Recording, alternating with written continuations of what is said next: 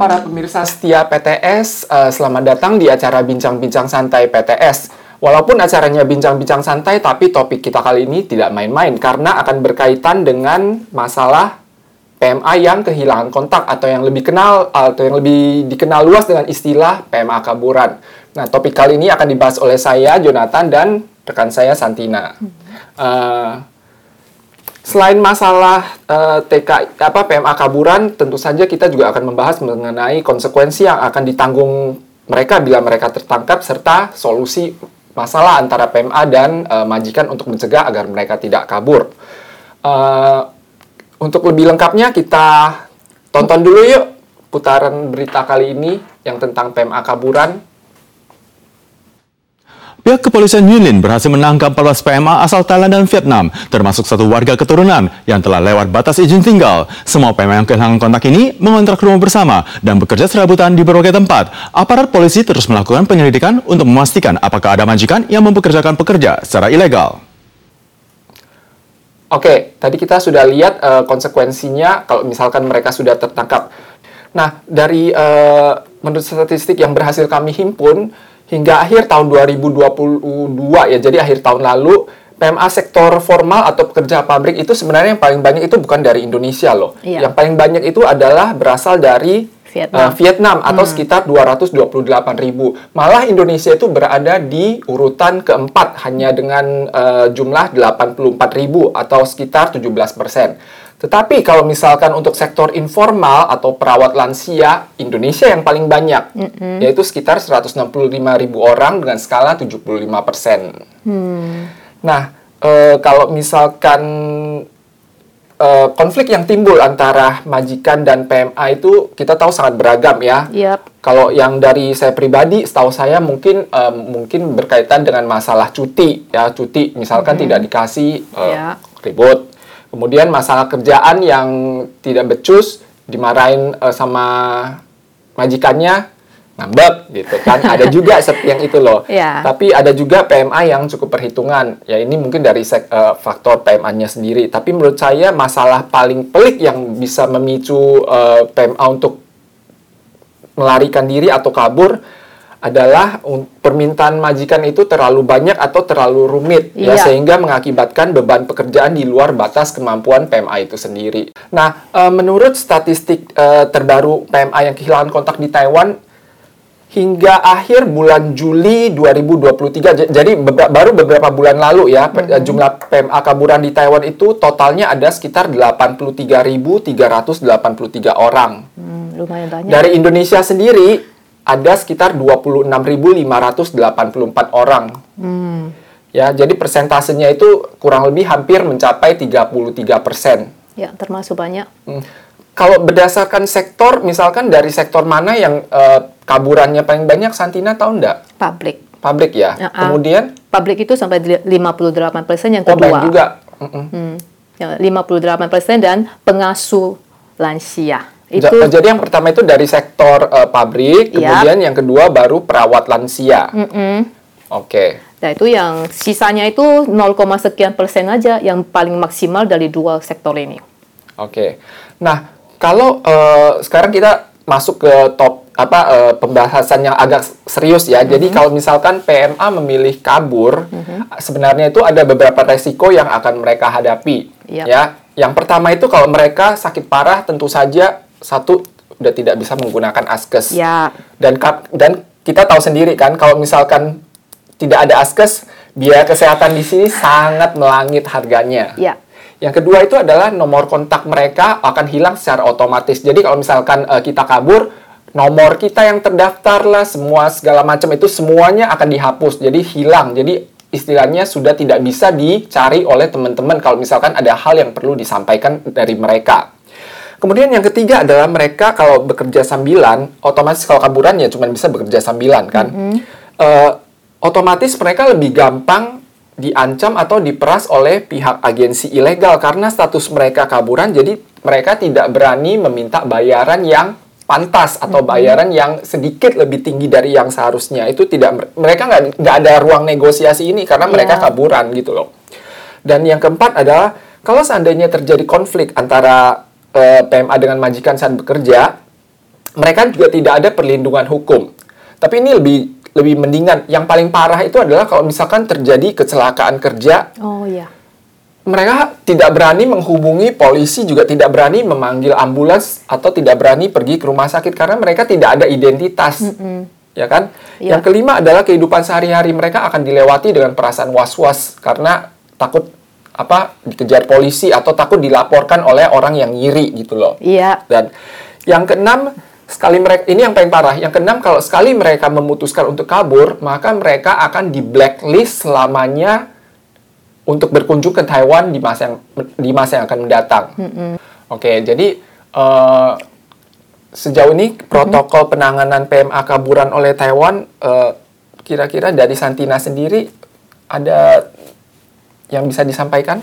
Oh ya, yang mengenai itu, tapi ini sudah agak telat ya, soalnya sebelumnya waktu Juni tiga, sebelum Juni 30 tahun ini, itu banyak itu eh, ada amnesti yang diberikan oleh pemerintah Taiwan. Tapi sejak sejak itu selesai, sekarang sudah nggak ada. Jadi adanya kalau seandainya kita menyerahkan eh, menyerahkan diri ya, istilahnya itu masih ada terkena eh, mungkin tidak akan ditahan ya. Soalnya kalau seandainya tidak menyerahkan diri itu biasanya akan ditahan. Ditahan untuk apa? Soalnya mereka akan men- eh, ditangkap polisi untuk dicek apakah terlibat dalam kasus kriminal ataupun korban tindakan kejahatan. Jadi itu masih akan ditahan kalau Di- seandainya tertangkap. Tapi kalau seandainya menyerahkan diri mungkin eh, pastinya itu tidak ditahan dan juga bisa menghubungi beberapa instansi seperti ag- eh, KDI menghubungi saudari Ringgasari yang di Taoyuan dan saudara Agus yang ada di uh, Kaohsiung. Kaohsiung. Nanti kita tampilkan ya. Oke. Oke.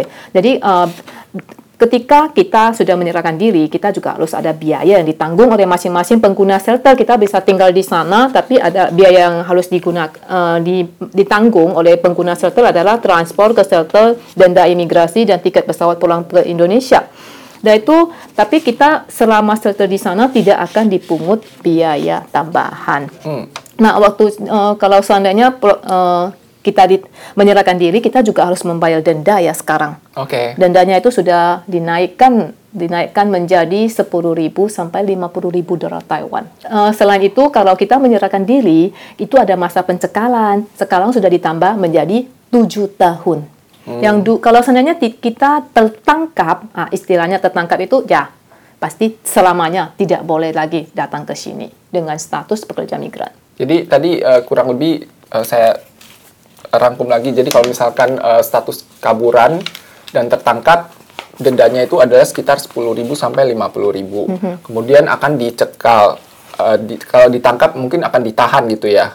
Eh, ya, di- kalau tertangkap itu akan ditahan, Ditahan untuk dicek eh, untuk apakah diinterogasi dulu apakah Anda terlibat eh, kasus-kasus kejahatan atau kasus eh, kriminalitas lainnya. Kemudian Anda akan di blacklist untuk datang ke Taiwan selamanya. Mm-mm, sebagai pekerja migran. sebagai pekerja migran. Ini harus dipikirkan matang-matang loh sebelum memutuskan untuk kabur. Iya. Oke, jadi eh, sebenarnya kita tahu kan yang mem- apa, memicu seorang PMA untuk kabur itu oto, eh, pastinya adalah konflik antara si PMA tersendiri dengan majikan. Nah, jadi sebenarnya ada banyak solusi se- selain kabur kabur itu bukan menjadi solusi utama dan eh, solusi satu-satunya untuk memecahkan masalah antara PMA dan kaburan. Sebenarnya dari eh, PMA sendiri mereka harus tahu mereka adalah bagian dari agensi. Jadi otomatis agensi memiliki tanggung jawab untuk menyelesaikan masalah eh, kalian dengan majikan. Tapi kalau misalkan agensinya seperti yang tadi saya bilang eh, orangnya agak cuek atau misalkan agak lambat dalam eh, men- menanggapi, sebenarnya kita bisa eh, al- mengambil inisiatif untuk menghubungi saluran pengaduan 1955. Jadi ini saluran 24 jam, saluran pengaduan 24 jam 1955 yang bi- eh, memberikan fasilitas bahasa Indonesia juga ada gitu loh. Jadi satu tadi agensi, kemudian yang kedua itu adalah Anda juga bisa menghubungi 1955 dalam bahasa Indonesia. Iya. Mungkin selain- dari Santina ada tambahan? Iya, selain itu kan juga ada KDI. Jadi Oh, oke. KDI kan ada di bidang ketenagakerjaan KDI Taipei ataupun eh, ada hotline-nya juga kan. Dan selain itu juga ada juga asosiasi Tai- eh, Indonesia di Taiwan yang sering eh, membantu permasalahan kalau sebenarnya ada muncul permasalahan dengan majikan ya yang tidak bisa terselesaikan eh, dengan agensi kadang-kadang ya. Jadi juga bisa mencari asosiasi seperti Ganas. Oh. Ya, seperti Ganas kalau bisa dicek ya, Ganas itu juga bisa menjadi sebuah wadah untuk mengadukan masalah. Soalnya mereka juga uh, ber, uh, ada konsultasinya dengan Tiwa. Oke, jadi uh, sebelum kita mengakhiri topik kali ini, kita tonton dulu berita terakhir ya sebelum kita tutup. No, hey, No. Hari Sabtu tanggal 19, Satgas Departemen Imigrasi Taiwan bersama polisi mengerahkan 678 personil mengadakan razia dan berhasil menciduk 387 warga asing yang overstay. Di antaranya 240 pekerja migran ilegal, 93 orang di antaranya tertangkap di kota New Taipei. Satgas New Taipei menyebutkan 7 pekerja ilegal Vietnam mempunyai alat tato dengan studio yang profesional. 那最值得一提的是，他们 啊，几个人的一个身上都刺有“不后悔”三个字。那经了解啊，才知道他们对来台湾工作并不会后悔，但是他们对选择了啊这个失联这个部分，他们是选他们是感到啊这个很后悔。Pekerja migran yang tertangkap akan dideportasi sesuai ketentuan hukum. Pekerja migran ilegal juga merasa sangat menyesal karena kabur. Jika ada kesempatan kembali ke Taiwan, mereka tidak akan melanggar peraturan lagi. Namun, Tiwa menjelaskan bahwa hukum ketenagakerjaan pasal 59 tertera bahwa pekerja migran tidak boleh sembarangan ganti majikan, kecuali jika perusahaan ditutup dan menganggap hukum keimigrasian tidak adil. 对于他的外来用词都是非常的歧视的。 也就是非常的妖魔化这些人，他们不过就是在原本的工作上的得不到适当的对待。Menurut Tiwa, kebijakan keselatan Presiden Chai Ing-wen hingga hari ini telah memasukkan warga asing dengan berbagai cara. Kasus eksploitasi pekerja murahan juga bertambah, tetapi pemerintah tidak memperbaiki kondisi pekerja migran, malah menangkap pekerja kaburan yang dianggap membahayakan masyarakat sosial. Hal ini tidak akan membantu situasi saat ini. Oke, okay.